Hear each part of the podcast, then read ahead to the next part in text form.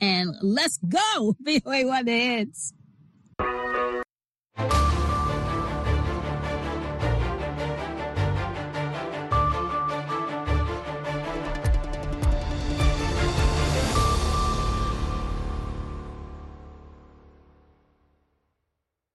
dohor wanaagsan dhegaystayaal halkani waa washington laanta afka soomaaliga ee v o a oo aad ka dhageysanaysaan mawjadaha gaagaaban efmida geeska afrika iyo caalamka dhan oo aad nagala socotaan v o a somaly com.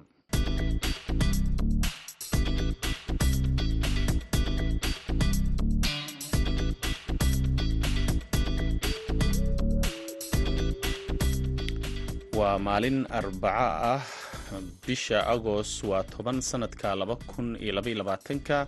Afrikada bari saacaddu waxay tilmaamaysaa kowdii iyo barkii duhurnimo. Idaacadda duhurnimo ee barnaamijka dhallinyarada maantana waxaa idinla socodsiinaya. Anigoo ah cabdulqaadir maxamed samakaab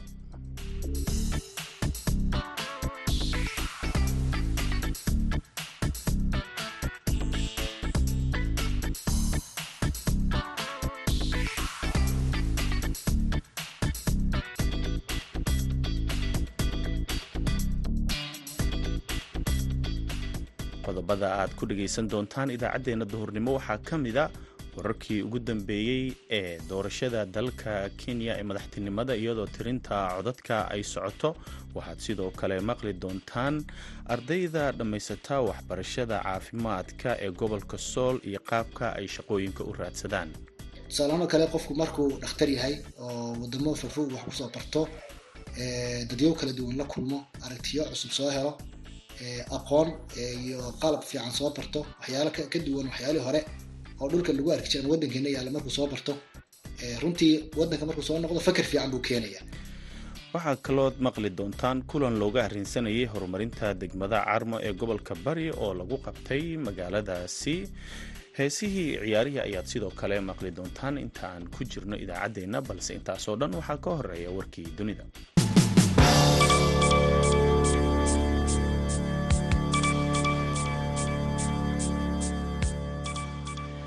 tirinta codadka doorashada madaxtinimada iyo midda baarlamaanka ee kenya ayaa socota maalin kadib markii malaayiin shacabka dalkaasi ah ay codadkooda ka dhiibteen in ka badan lix iyo afartan kun oo goobood oo codbixin si ay u bedelaan madaxweynaha uu xilka ka dhammaaday ee uhuru kenyatta madaxweyne ku-xigeenka kenya william ruto oo shan iyo konton sano jir ah ayaa loolan adag oo doorashada ah kula jira.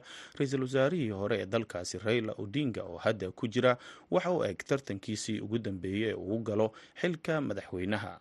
Labada musharax ayaa la sheegay inay isku dhow yihiin marka la fiiriyo codadka ilaa iyo hadda la tiriyey oo qiyaastii la sheegay saddex milyan oo cod iyadoo la tiriyey ruto ayaana wax yar horreeya ruuto ayaa haysta koob iyo konton boqolkiiba codadkii la tiriyey halka odinga uu haysto in ka badan siddeed iyo afartan boqolkiiba.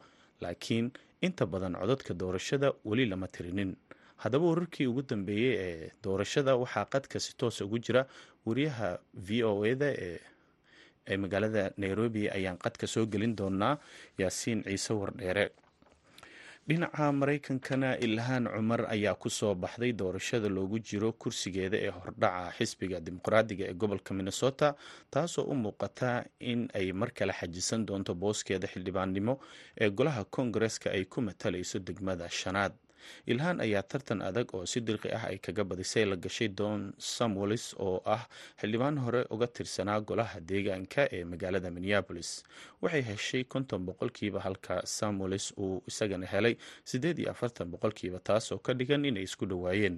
Saddex musharax oo kale oo soomaali ah ayaa ku soo baxay doorashada hordhaca ah ee xisbiga dimuqraadiga ee gobolka minnesota kadib markii ay ka soo adkaadeen musharaxiinta kale ee la tartamayay iyaga oo isku diyaarinaya doorashada ay kaga hortegayaan xisbiga jamhuuriga.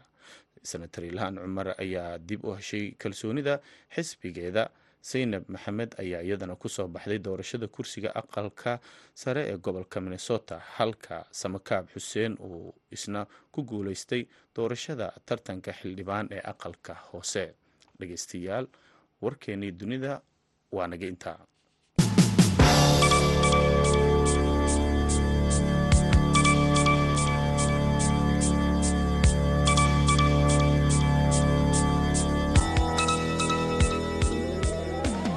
halkaad weli naga dhagaysanaysaan waa idaacadda v o a oo idinkaga imaaneysa washington. Duhur wanaagsan mar kale dhegaystayaal hadda waxaa qadka si toosa ugu jira yaasiin ciise wardheere oo ku sugan magaalada nairobi. Yaasiin may maqlaysaa?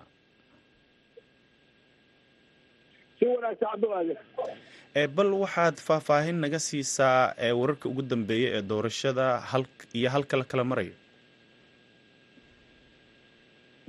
weli waxaa lagu sugan yahay xarunta weyn ee k i e b c ay fadhido bomas of kenya. Tiraduna daqiiqa daqiiqada isku bedelaysaa hadda waxaa ilaa iyo codadkan la tiriyey oo qiyaastii saddex milyan iyo afar boqol gaaraysa waxaa la tiriyey boqolkiiba sagaal iyo afartan dhibic sideed iyo toddobaatan wata.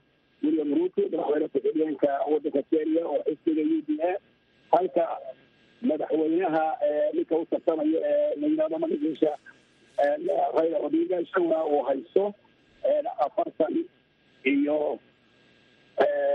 qiyaastii afartan iyo toddoba. Halkaasi way aada isugu dhow yihiin marka tira ahaan haddii loo rogo waxa weeye hal milyan toddoba boqol iyo sagaashan kun qiyaastii waxaa haysta rayla halka kale waxa weeye isaguna hal milyan sideed boqol soddon iyo saddex kun waa qiyaastii ilaa iyo soddon kun oo qof ayaa udhexeeyay hadda laakiin saacad ka hor ilaa iyo lixdan kun baa udhexaysay farqiga labadooda. Hase yeeshee waxaa loo yaqaano foomka loo yaqaano soddon iyo afar a s oo ah foomka lagu qiyaasay guud ahaanba professional resultska guud ahaaneed ee dalka ayaa waxaa la sheegayaa boqolkiiba toddoba iyo sagaashan inay soo ururtay balse tiradu ay soconayso saacadda saacadda ka dambaysa yaasiin marka hore waxaa jiray warar aan helayna oo ahaa in ruuto uu horeeyey maxaa isbedelay? Waxay ahayd qiyaastii nusaac ka hor koob iyo konton dhibic labo ilaa koob iyo konton dhibic saddex inuu haystay boqolkiiba ruto halka ka haystay rayana boqolkiiba sideed iyo afartan. Laakiin hadda aad bay isugu soo dhawaadeen oo waxaa weeye boqolkiiba sagaal iyo afartan dhibic toddobaatan iyo sideedna ruuta wato ku horreeya halka rayla uu isaguna uu joogo qiyaasta afartan iyo sideed labaatan. Marka marka tira ahaan loo rogo waxaad moodaa farqiga udhaxayn kara inuu yahay kun laakiin haddi dalka oo dhan waxaa laga codeeyey laba iyo toban milyan oo qof halkii la filayey laba iyo labaatan laba iyo toban milyan baa codeysay halkii la filayey laba iyo labaatan milyan dadkuna aad bay uga yaraadeen tirada markii la dhigo doorashooyinkii labadii kun iyo iyo tobankii oo dadka ay aada u soo baxeen hadda waxaad moodaa meelo badan in turnout ama soo bixidu dadka soo baxaya ay aada u yaraayeen ama ha noqoto weedarka oo qaarkood ay leydhay qabow meelaha qaarkood sida gobollada bartamaha iyo meelo kale iyo meelo yar yar oo waxyaaba yar oo shaqooyin ay ka dhaceen sida wajeer iyo turkana iyo mabaaso iyo laakiin caadiga inta kale ku socoyihiin doorashada yaasin waxaad war naga siisaa gobolka waqooyi bari ee soomaalida doorashooyinka ka socda iyagana ilaa iyo hadda markaad fiiriso dhinaca baarlamaaniga iyo iyo doorashada guud. Bal sidee wax uga socdaan halkaas? Runtii dadka soomaalidu aad iyo aad bay uga bedelan yihiin marka la barbar dhigo marka habka ay u soo baxeen labadii kun iyo toddoba iyo tobankii aad waxaad arkaysaa nin boqol iyo toban sano jira oo ka codaynayay deegaanka wajeer xorriyadda la qaatayna codaynay marka dadka soomaalida aad bay u soo baxayaan dad badan oo hadda uu ka mid yahay faarax macalin oo kale oo isagu dhadhaab yaryareeda oo marna noqday gudoomiye ku-xigeenka baarlamaanka ayaa kamida midka u horreeya hadda la sheegay inuu ku guulaystay laakiin weli natiijooyinka aad iyo aad gobolka waqooyi bari aada u soo bixin ee aadka loo sugayo waa governorka oo isaguna maaragtay jagada ugu muhiimsan ee maamulka garisha wajeer iyo mandera oo aada iyagana la isugu hayo. Waxaa kaloo iyana qaybo muhiima ku jira dadka iyaguna gabdhuhu ay ku jiraan gobolaha matala waxaa ku jira dad wariyaal oo caaha oo maxamed cabdi oo jaziira iyo oo rajadiisa aada u wanaagsan tahay koonfurta wajeer. Waxaa ka mid a wariyaashii hore k b c ninka la yidhaahdo maxamed yarow caris iyo ragga tartamaya sida barabara area. Marka dad weli natiijooyinku waa ay socdaan laakiin magaaladana nairobi aan ku noolahay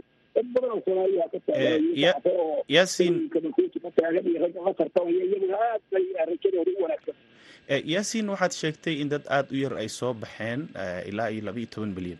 Marka horena la filayay in labaiyo labaatan milyan ay codeeyaan maxaa lagu sababaya ayaa la leeyahay inay dadka doorashada u soo bixi waayaan? Waa su'aal aada iyo aada u adag. Anigu kenya waxaan joogay ilaa iyo sannadkii kun sagaal boqol iyo laba iyo sagaashankii markii multi bartiga la sameeyey waa markii ugu horreysay oo qabiilka dadkan ugu badan ee aadka u xoreeya kitiyada la yidhaahdo aanay musharax madaxweyne lahayn.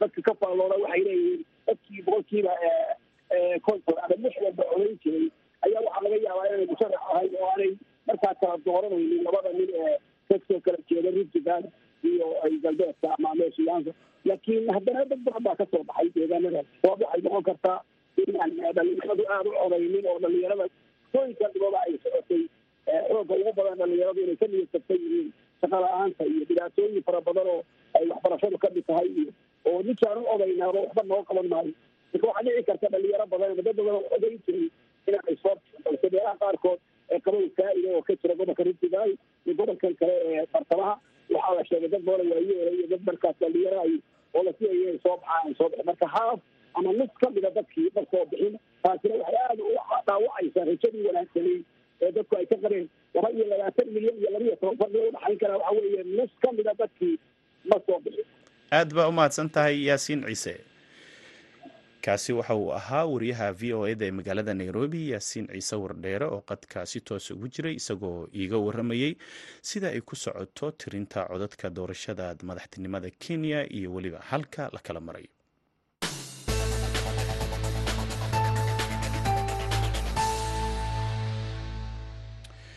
halka aad weli nagala socotaan waa idaacadda v o a oo idinkaga imaaneysa washington. Kulan looga arrinsanayay horumarinta degmada carmo ee gobolka bari ayaa lagu qabtay. Magaaladaasi kaas oo waxgaradka iyo aqoon-yahanka degmada ay sheegeen inay kaalin ka geysanayaan horumarinta deegaanka. Yuusuf maxamuud yuusuf ayaa warbixintan noo soo diray maamulka degmada carmo iyo weliba guddiga horumarinta magaaladaasi ayaa yeeshay kulan loogu qareemayey magaalada carmo una dhexeeyey dhallinyarada aqoon-yahanka ah. Inta uu socday kulankaasi ayaa waxaa looga hadlayey sida dhallinyaradu ay qayb uga noqon karaan u qareemidda iyo ka qayb qaadashada arrimaha bulshada si loo horumariyo waxbarashada guud. Kulankan u qareemidda ah waxaa barbar socday in dhallinyarada ay soo gudbiyaan fikradahooda ku aadan inay ka qayb qaadan karaan dhisidda waddooyin goobo waxbarasho iyo weliba mid caafimaad. Guddoomiyaha dalladda dhallinyarada gobolka bari isaaq salaad maxamuud ayaa sheegay in dhallinyaradu ay ka qayb qaataan mar walba wax u qabashada bulshada islamarkaana hadda ay diyaar u yihiin inay u qareemaan magaaladooda.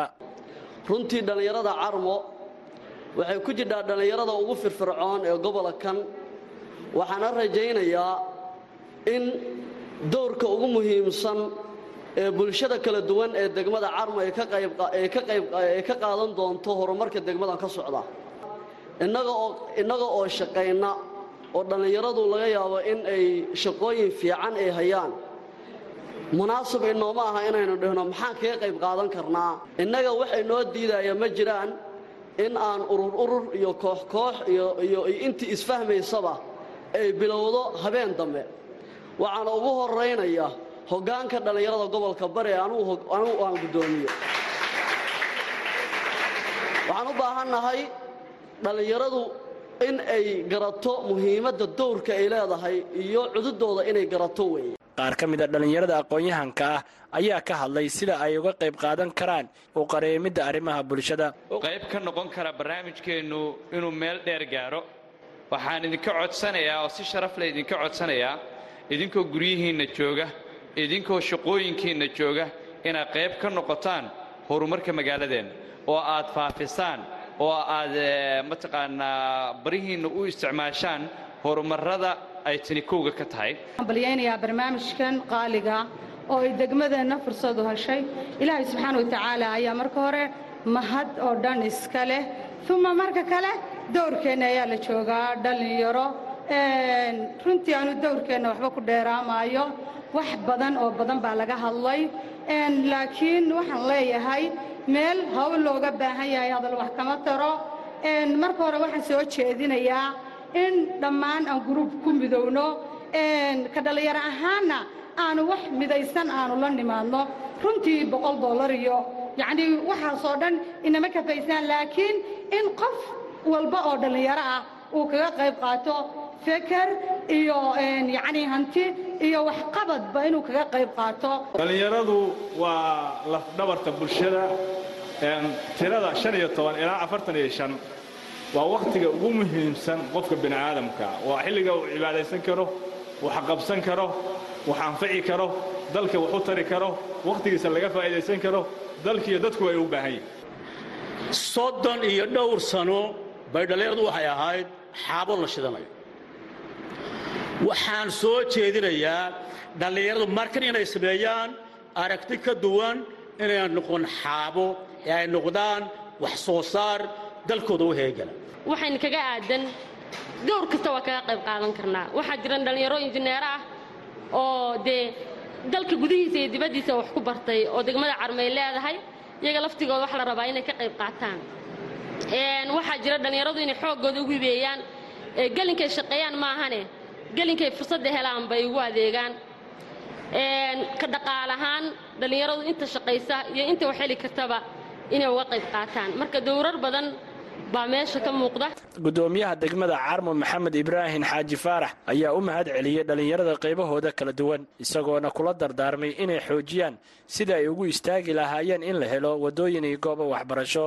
Waxaa fiican waxa wanaagsan in laysku dhiirigeliyo markaan u soo noqdo qorshaheenna caaway waxaan halkaan idinku yeeray oo dhallinyaro halkaan maadaamaaynu isugu nimi hal fadhi fariin waaye waxaynu halka ugu nimi. Ma aha caawa inaan leennahay yaa wax bixinayo halkaa lagaga haraayo.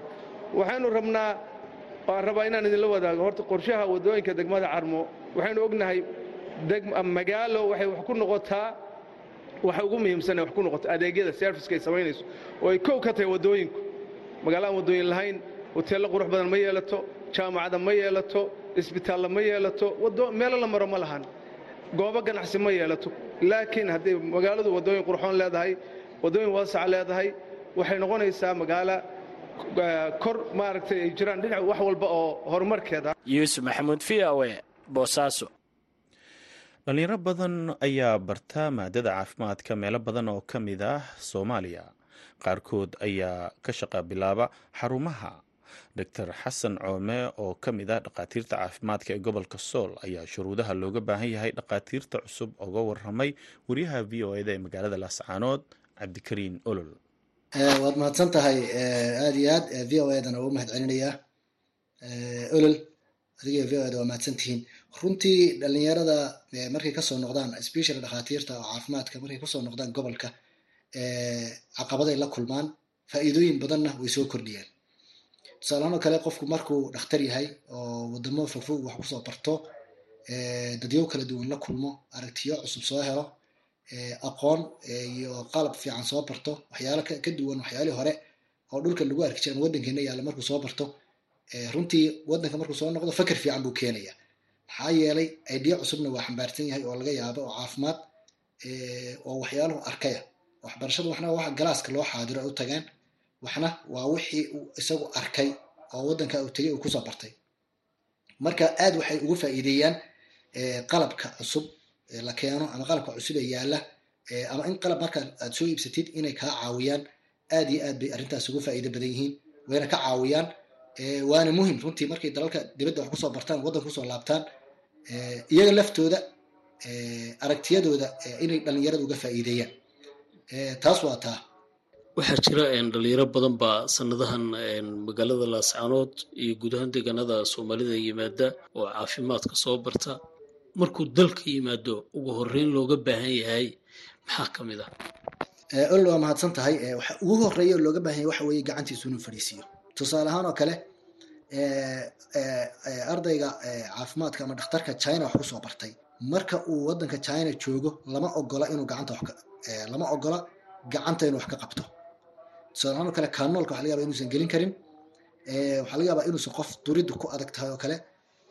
Procedurada fudud oo kale dhakhaatiirtu sameeyaan sida injitubka iyo cateter waxyaalaha iska fudaydka inuusan samayn karin baa laga yaaba inuu daawado ama buugta ku arko mooyaane laakiin inuusan toos gacanta uga qaban bay u badan tahay especially marka ay yihiin digriga markay yihiin dhakhaatiirta oo gp-ga ama general practitionerka markay yihiin.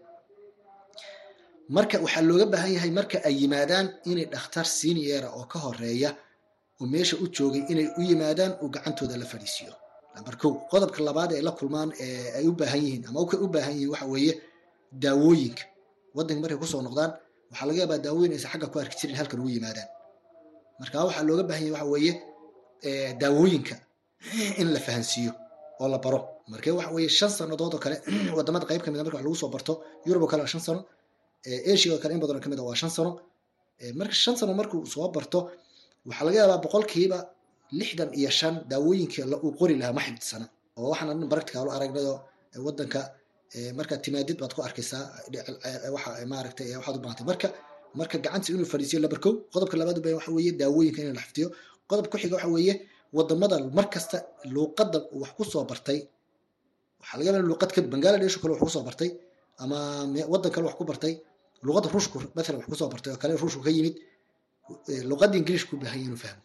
Si la isula fahmo daawooyinka inta badan waad ogtiin waddamada daawooyinka waxay ku qoran yihiin ama buugta ku qoran yihiin ama ama shiitka waraaqda yar ee leafletka la socota daawooyinka english bay ku qorantay inta badan. Waxyaalaha kale culturekuna waa muhiim dhaqankii inay fahmaan.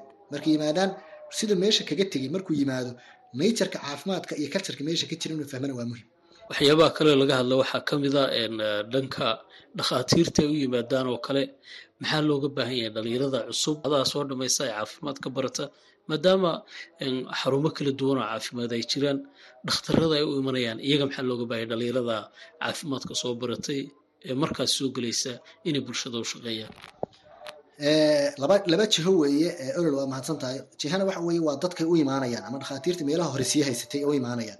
Qolna waa iyaga laftooda. Ayaga waxaa la rabaa dhakhaatiirtii ka horreysay ee meesha joogtay iyo xarumihii inay simbaathiya ka diyaarsan. Simbaathiya waxa weeye inay iyagu say ugu xidhmi lahaayeen. Oo intay ka codsadaan mathalan qof inuu dhakhtarkan la shaqeeyo qolyihii joogay oo horena waxaa laga rabaa say dhalinyarada u maalgelin lahaayeen. Oo tusaalahan oo kale anu markaan isbitaalka haysto isbitaalkayga joogo oo laba dhakhtar yimaadaan oo cusub yihiin oo laga yaabo reerhoodin wax soo bareen oo waxna dhaqaale gacanta waxna maal gashan karin ay yimaadaan oo iyagu aysan abuuran karin inay hore wax ka bilowdaan. In la shaqaaleysiya u baahan yihiin la gacan qabto. Qodobka labaad haday wax gaara u baahan yihiin iyagu gaar u samaystaan in la maalgeliya u baahan yihiin qodobka ku xiga dhakhaatiirtii hore ka horreysay meesha sii joogtay iyo xarumihii waxaa laga rabaa inay soo dhaweeyaan practical oo kale siiyaan gacan qabtaan. Oo si volunteer oo kale mathalan muddo ula shaqeeyaan kadibna ay markay isfahmaan inay shaqo geliyaan bay u baahan yihiin isbitaallada barefetka oo kale waxaa looga baahan yahay haddii xitaa sheer siin karaan inay sheer siiyaan. Si dhalinyarada u shaqeeyaan oo maaragtay suuqii u galaan oo maaragtay tusaalahan kale isbitaalka layihahdo sheer baad waxaa ku leedahay sheer baa nala tahay nala shaqee. Oo wax qabadkaagaad sheer nagula tahay. Dhalinyaradani kaalinta leeg bay caafimaadka ka qaataan markay dalka ku soo noqdaan si dadaalada caafimaadka ee kala duwanaa loo horumariyo aqoontan casriga ay wataanna loogu dabaqo goobihi caafimaadkaha ay imanayeen deegaanada kala duwan ama laascanood ha noqoto ama gobollada kale ha noqoto.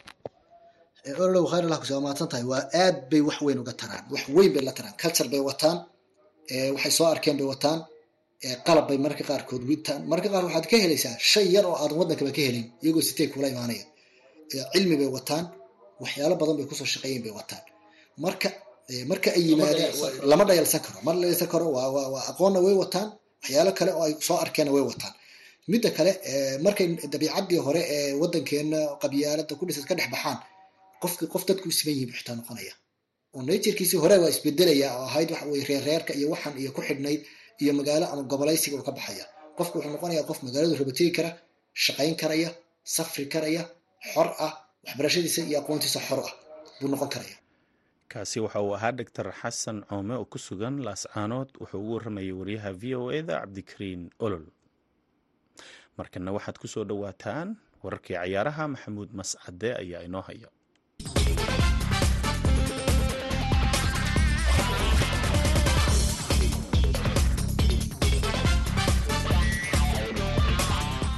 kulan wanaagsan dhegeystayaal dhammaantiinba kuna soo dhowaada xubinta ciyaaraha. Aan ku bilaabay koobka kooxaha qaaradda yurub ee champions leaga oo isku aadkiisa la sameynayo shan iyo labaatanka bishan agost laguna qaban doono magaalada istanbul ee wadanka turkiga ayaa weli waxaa jira kooxo u xusul duubaya sidii ay u tiigsan lahaayeen ciyaaraha gurubyada waxaana habeenkii xalay ahaa kulamo isreereeba oo lagu soo gudbayo ciyaarahaasi fooda isku daray kuwii ugu xiisaha badnaa. Kooxaha kubadda cagta ee b s v eindhoven iyo monaco. Waxaana labadan kooxood oo lugtii labaad ku kulmay guriga b s v ay saddex gool iyo laba guusha ku raacday kooxda kubadda cagta ee b s v. Isugeyna waxay b f c ku soo gudubtay afar gool iyo saddex.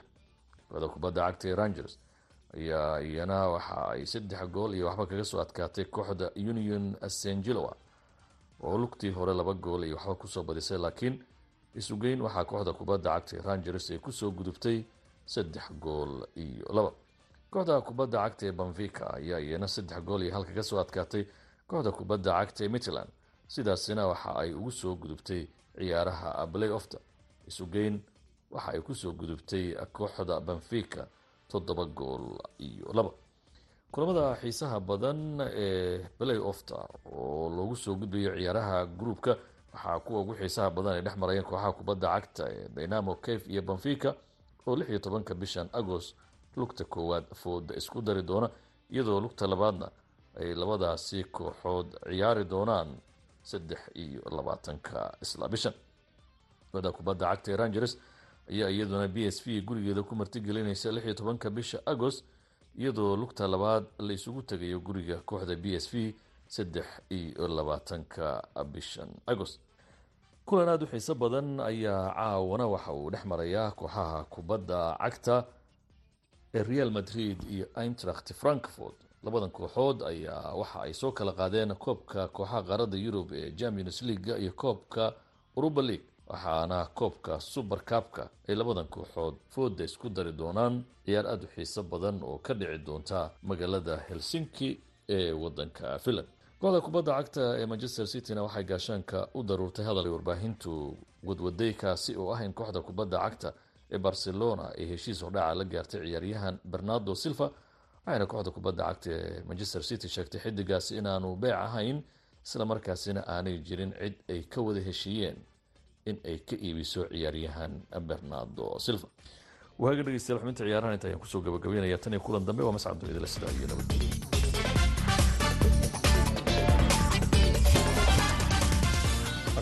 mahadsanid mascade markana kaalmihii heesaha